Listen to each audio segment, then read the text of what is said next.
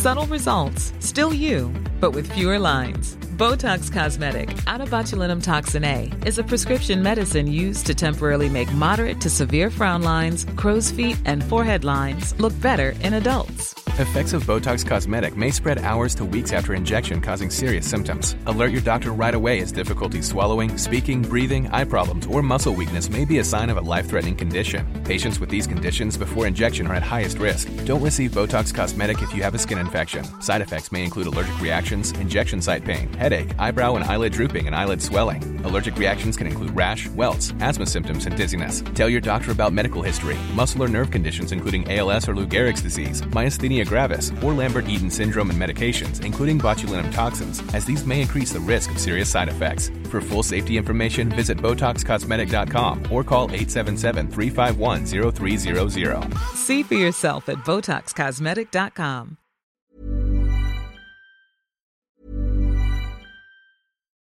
Botox Cosmetic, onabotulinumtoxinA, FDA approved for over 20 years. So, talk to your specialist to see if Botox Cosmetic is right for you.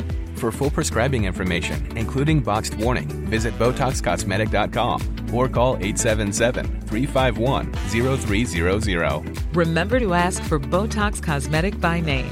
To see for yourself and learn more, visit BotoxCosmetic.com. That's BotoxCosmetic.com.